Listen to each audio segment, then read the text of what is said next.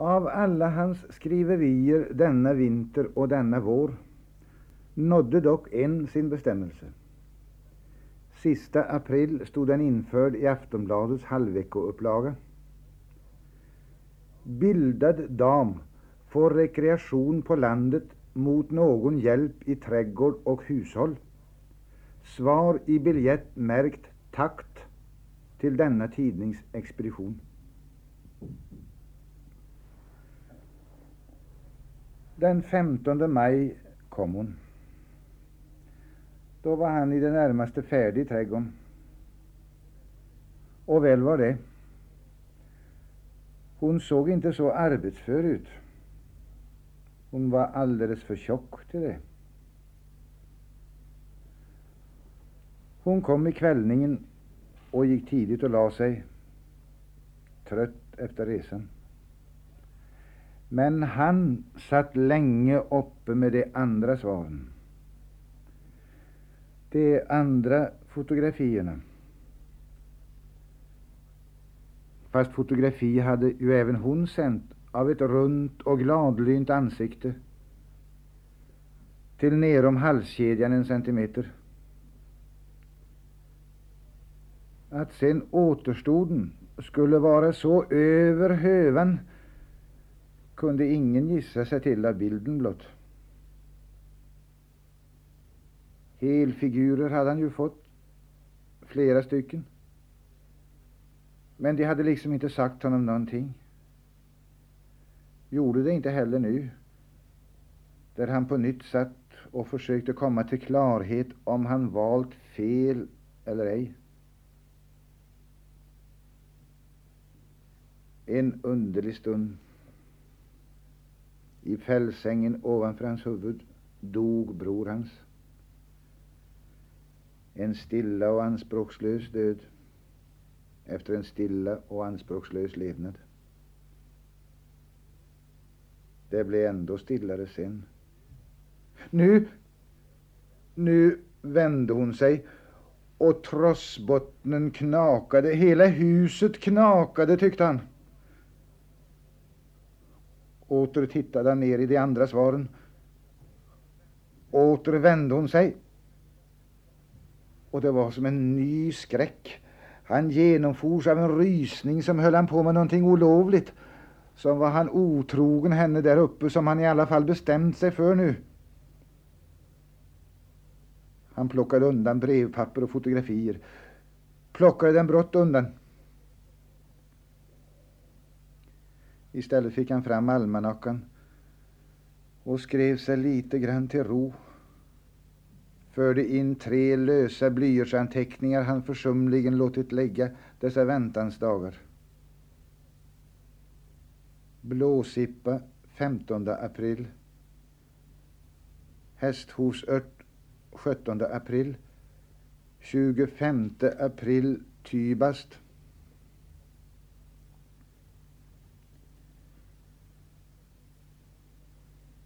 Du klockare, du klockare. Men nu kan han ju skratta åt berättelsen. Han är ingalunda såsom en torrört att betrakta längre.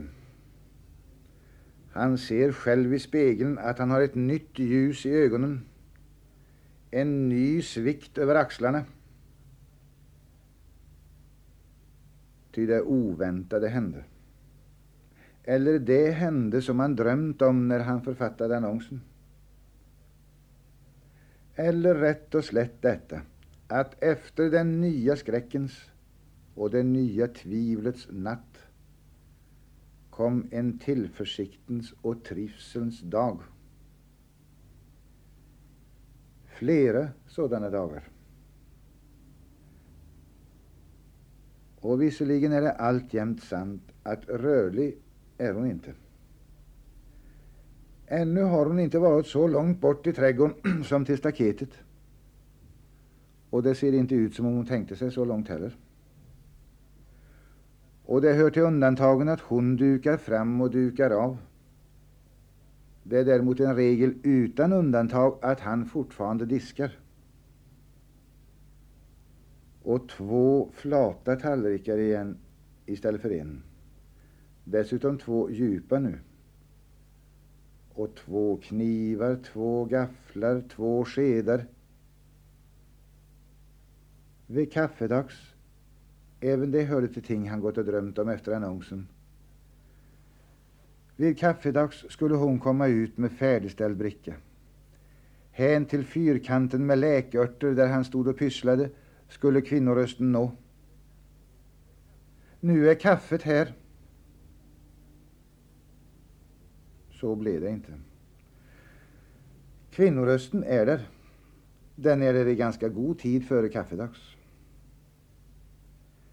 Men den säger, och tung och oflyttbar sitter hon i hans enda trädgårdsstol, den som bror hans köpte.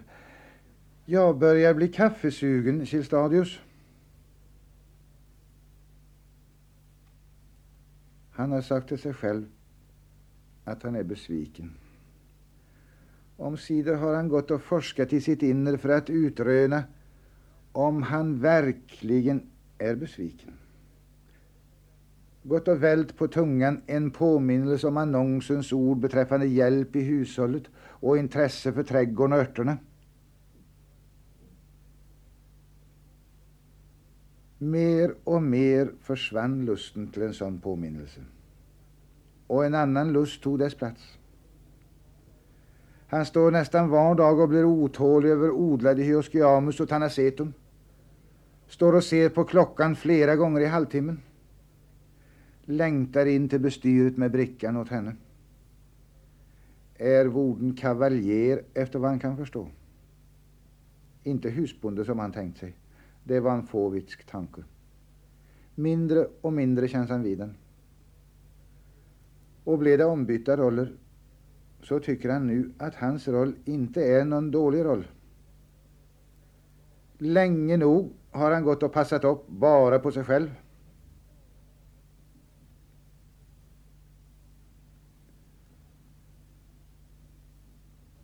Han har gett henne att läsa skriften i korsband som ingen annan än klockan kan ha sänt.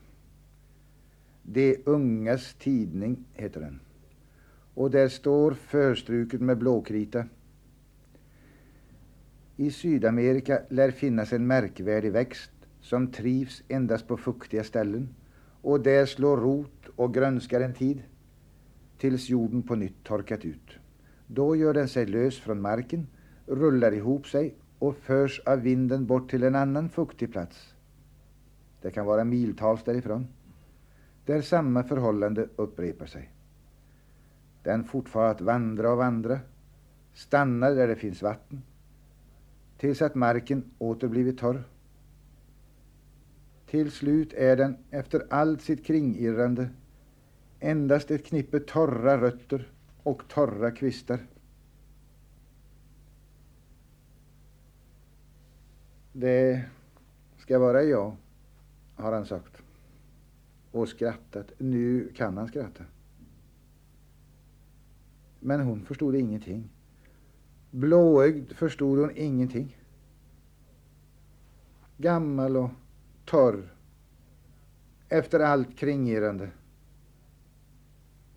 Kilstadius är väl inte gammal, sa hon.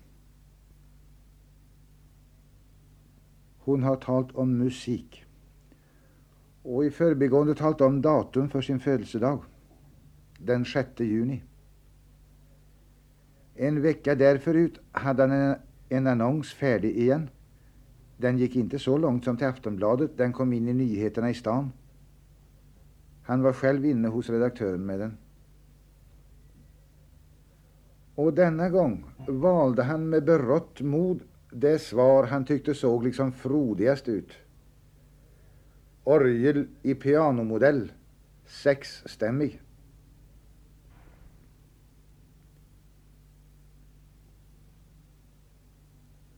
Chauffören hjälper honom att bära in orgeln i kammaren. De dricker därefter ett glas saft i köket. Bussen är tidig och bara en kärring kvar i den. Han berättar att hon är lärarinna tjänstledig lärarinna. Skolan saknar hon inte, berättar han, men hon saknar musik. Nu sover hon middag.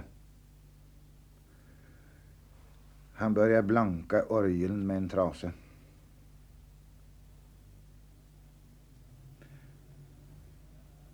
Hon spelar allt till kamraden så det är som en vaktparad genom hela hans hus. Som en parad i Berlin i gamla dagar. Och han blir modig av tonerna. De ska få veta vem de stungit haver. Han sitter och prickar för i 50 000 främmande ord. Abdikera, lika med frivilligt avstå. Från den ära han aldrig pockat på. Abnorm, lika med oregelbunden. Men han gick nu en gång inte i deras fåror. Absurd, lika med orimlig, dum, enfaldig, var likväl den åsikten att han därför skulle vara på något vis ringare än det. Antagonist, lika med motståndare, vedersakare av tvenne slag, endera bigott, lika med skenhelig, eller cynisk, lika med skamlös, oanständig, fiasko, lika med misslyckande, göra fiasko, må så vara inkiet, lika med orolig, skulle de aldrig få se honom mer. Blott lugn skulle han stå deras maskopi, lika med hemlig förbindelse, emot. Han hinner inte längre idag. Han hör henne till sin förundran i köket och far ut för trappan. Det skulle bara fattas på födelsedagen. Varligt men bestämt motar han henne ut i trädgårdsstolen igen. Han uppvaktar med tårta. Han uppvaktar med högläsning ur vinterns digra portfölj. Den omständigheten att jag vid så pass hög ålder företog resan totalt ensam och utan någon som helst förberedelse för att kryssa mig fram bland tjuvar och banditer i tre världsdelar har väckt förvåning och intresse i de länder jag genomrest. Hon avbryter honom, säger på nytt att han inte är så gammal. Det slår lite av ångesten upp från pappret. Ångesten från den kvällen han satt och skrev det här. Är hon också bland dem som vill förringa hans insats? Men hennes öga är bara porslinsblått. Han rättar och stryker i skrivboken och fortsätter. Sedan jag nu, som i det föregående relaterats, varit antastad hela vägen både på fram och åtresan, var det med en viss undran och nästan fruktan jag närmade mig fäderneslandet, där jag lidit så förskräckligt under många årtionden. Jag fick en liten försmak av vad som nu skulle hända mig, då jag stigit på den svenska färjan i Sassnitz. Jag fick inte köpa vare sig mat eller kaffe, fick bara sturska svar när jag begärde någonting. Där hade det stockat sig när han skrev. Från Sassnitz, från Trelleborg, var han plötsligt hemma hos släktingarna. Jag blev så skamligt mottagen av dem, säger han nu. Så skamligt att vi inte ska förstöra födelsedagen med det. Blott bror min visade att han riktigt satte värde på mig för att jag kunnat göra en sån resa. Det var kanske inte avund som behärskade det andra. Jo, avbryter hon honom igen. Det är klart att det var avund. Hon blir livlig, livlig för henne att vara. Det retade dem, de, de tänkte på pengarna. Det förstår man ju att det måste gå åt en förskräcklig massa pengar till en sån resa.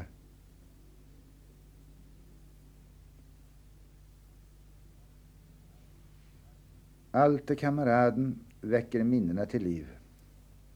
När det börjat regna och han räddat kaffeservisen och den tårtsmulan som var kvar, födelsedagsbarnet hade gjort heder åt tårtan, och de satt sig in på hans kammare, kommer turen till frau Neumann i Sassnitz. Nu kanske jag kan få hjälp med ett brev som jag skulle sänt för länge sedan, säger han. Hon har berättat att hon kan lite tyska. Det är sant. Han har skrivit på det i flera år. Men det är av yttersta vikt att det inte ger minsta anledning till feltolkning åt något håll. Frau Neumann har varit hans nätters och hans dagars pina nog ändå. Han läser från gulnat ark. Sie werden ohne Zweifel erinnern, dass ich, Unterzeichneter, auf meiner Reise nach Jerusalem in ihren Hause übernachtete. Läser han långsamt kan hon följa med. Ich habe nichts als Gutes zu sagen von Ihrem Hotell, aber Ihre Aufführung hat mich sehr frierihistorier, säger han. Inför hela världen har man lagt an på att göra mig till ett åtlöje med frierihistorier. Jag blev antastad i vartenda land. Sie haben sich in eine Weise betragen, dass es kein Zweifel sein kann, dass Sie eine schändliche Verleumdung bezüglich meiner Verhältnisse gehört hatten. Wie konnte dies möglich sein? hade han utbrustit på pappersark efter pappersark.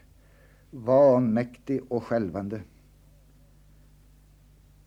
Nu är han lugnare. Jag måste göra klart för Frau Neumann, säger han, att hon inte var ensam.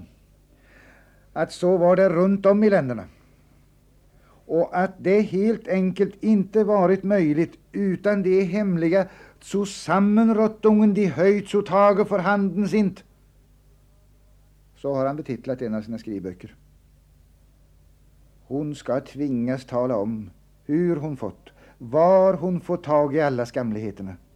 Jag ska publicera resultaten och det kommer i hög grad att intressera vissa personer. Han hör själv hur han flyger upp i diskant. Men det är också den enda likheten med förr. Orgeltonerna inne i göklåten denna juni gör all den gamla bedrövelsen så avlägsen.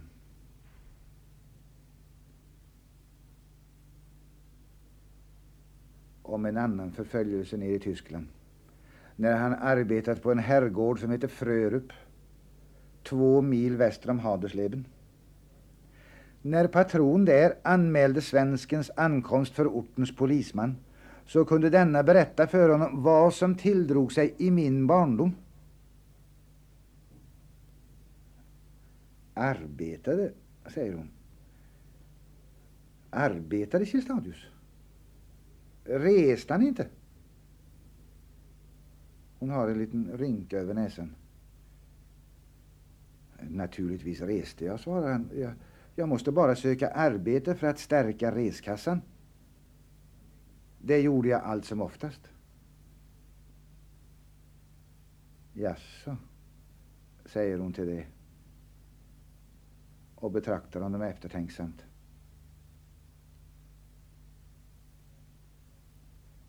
Om kvällen spelar hon. Men inte alltid kameraden mer. Utan en sång på dyster melodi med dystra ord. Dagen som gått kommer aldrig igen Så lyder växlingens bud Dock blir ej bortglömt vad du utfört på den Nej, det står tecknat hos Gud Bu-u-ud, gu-u-ud förstärker basarna bland de sex. Inte så helt dystert förresten. Han är inte ensam mer. Friden och inte bara skymningen vilar över örtagården. Men över Frau Neumann i Sassnitz står en svärm av ångers och samvetskvals och rädslas flädermöss.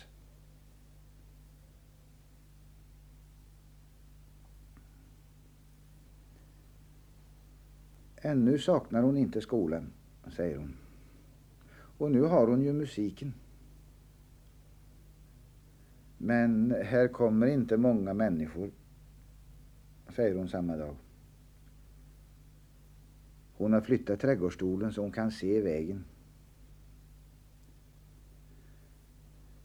Därför blir han trots torrörten glad när klockan kommer. Denne har till ärende att tyvärr, tyvärr lär det inte gå att ordna någon föredragsafton just nu. Kring midsommar vill ju inte folk sitta inne. Men till hösten, Kilstadius, till hösten.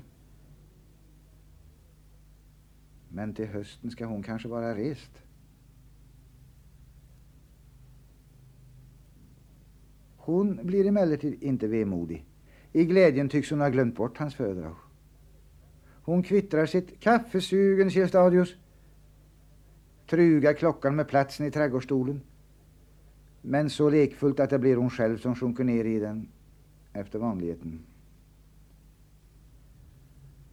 Och givetvis är det ju kolleger, det kan ha åtskilligt att tala om. Rösterna når in till sitt stadius vid spisen. Det gläder honom, det gör det visst det, att hon äntligen har främmande. Gläder honom att klockan får se hur paradisiskt han egentligen har det nu och förargelsen över inhiberade föredraget. På ett vis var det ju bra att han slipper tänka mer på det. Han har bara fått början färdig. Tre kaffeskedar, tre koppar, tre fat, kakfat, socker, grädde. Så där ja. Dachte dich so gleich als Braut Dachte dich als Weibchen, står det i hans poesibok. Fantastiska utflykter i tid och rum och i evigheten och oändligheten ska föredraget heta. Han ser för sig bänkradernas ansikten. Han ska ge dem någonting att tänka på i höstrusket på hemvägen. Han ska få högmodets stjärt att slakna hos lite var av dem. Människans tanke, har han skrivit. Människans tanke, denna oroliga celle, är mera fri än någonting annat på jorden. Det finns ingenting som kan hindra honom att göra utflykter till de tider och rymder var till hans härskarinna, hjärnan, behagar utsända honom. Från en underjordisk fängelsehåla kan han taga ett lätt språng upp till Vintergatans regioner dit endast astronomen tränger med sina sinuslinjer. Han har fortsatt i en ny skrivbok och han har kommit tio rader längre.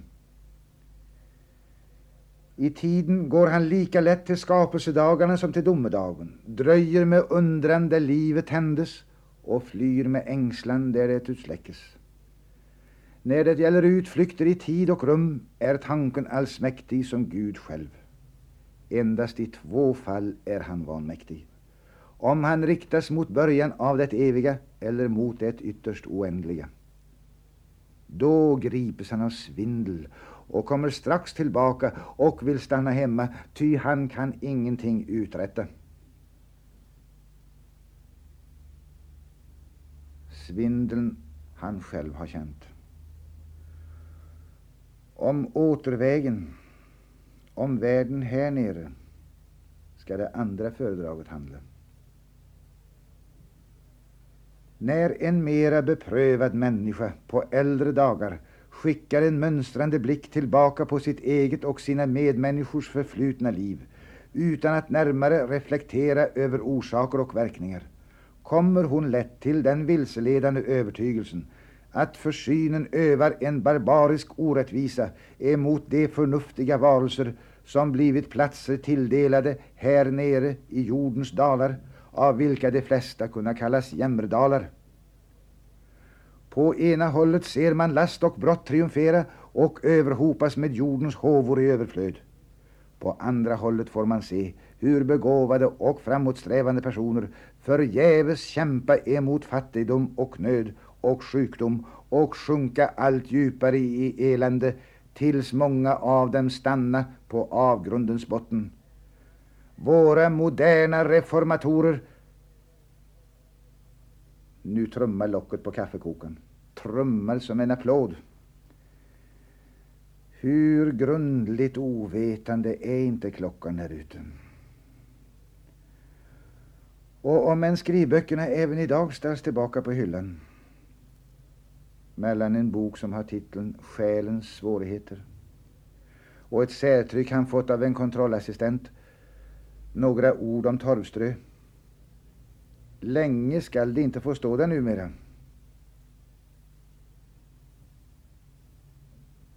Det var en faslig tid det tog, säger hon.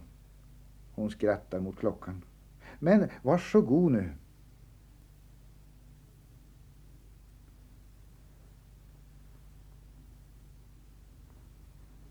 Han hörde ordet hospital på posten.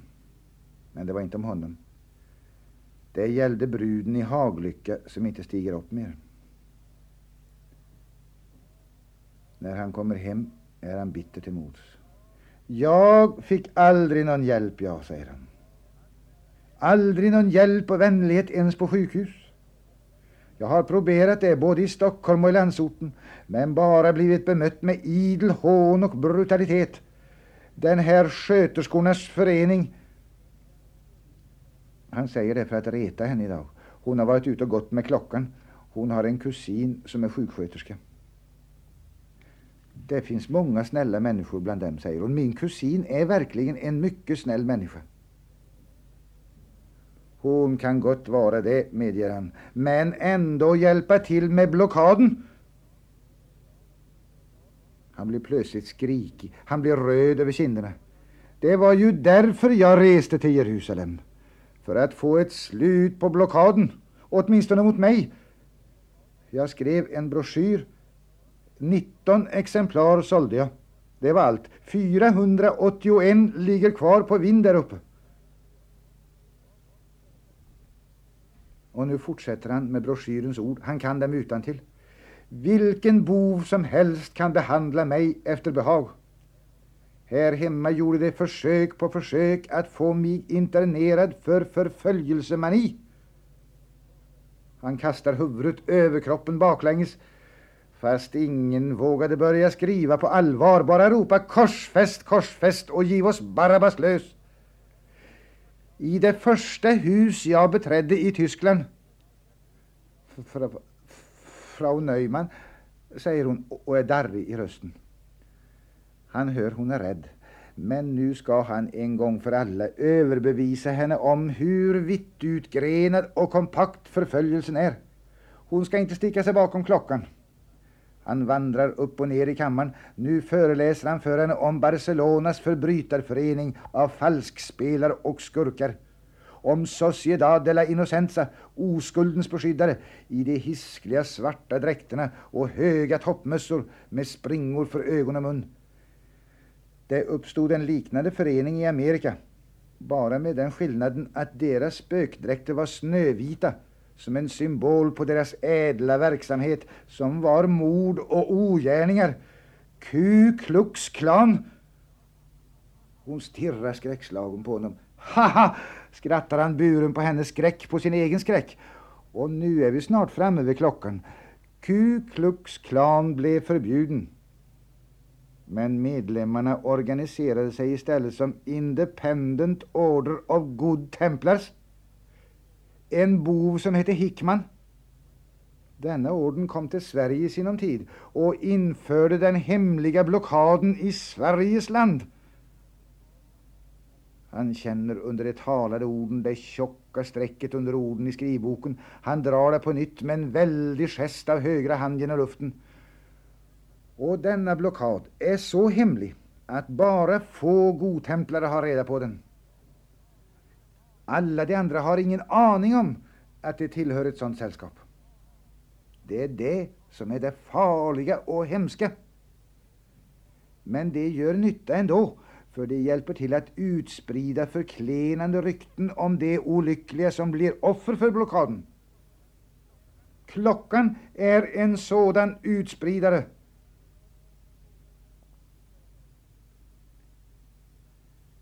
Hela hans tillförsikt har ramlat igen. Återbudet på föredraget är ett bevis för tillförsiktens lögnaktighet. Brevet till professor Gadelius, som aldrig fått något svar, är ett bevis. Sättpotatisen som han fick vänta på till mitt i maj, till dagen innan hon kom. är Ett bevis. Hon svarar honom att det, det är små saker, små tillfälligheter, små ofarliga händelser. Och han har svar. Han tar en mening ur en anteckningsbok där han har sentenser från store män. Det som allenast rispar nageln på den ena går in i hjärtblomstret på den andra och bränner upp som gift.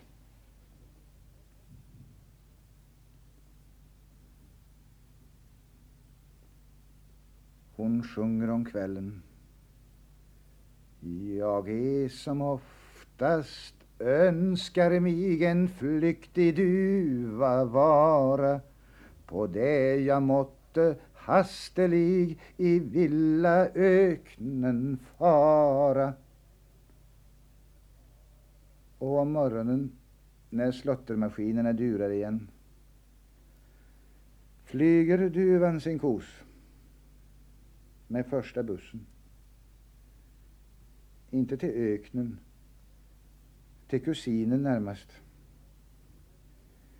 I villaöknen däremot, vem for i villaöknen för vindens kast? Torrörten. Eller vad mente klockan?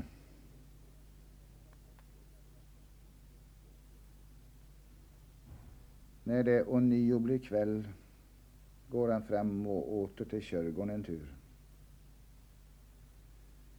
Han möter ingen, stannar vid en stallvägg och kastar sitt vatten. Då hör han hästen där innanför sucka. En stor, en tung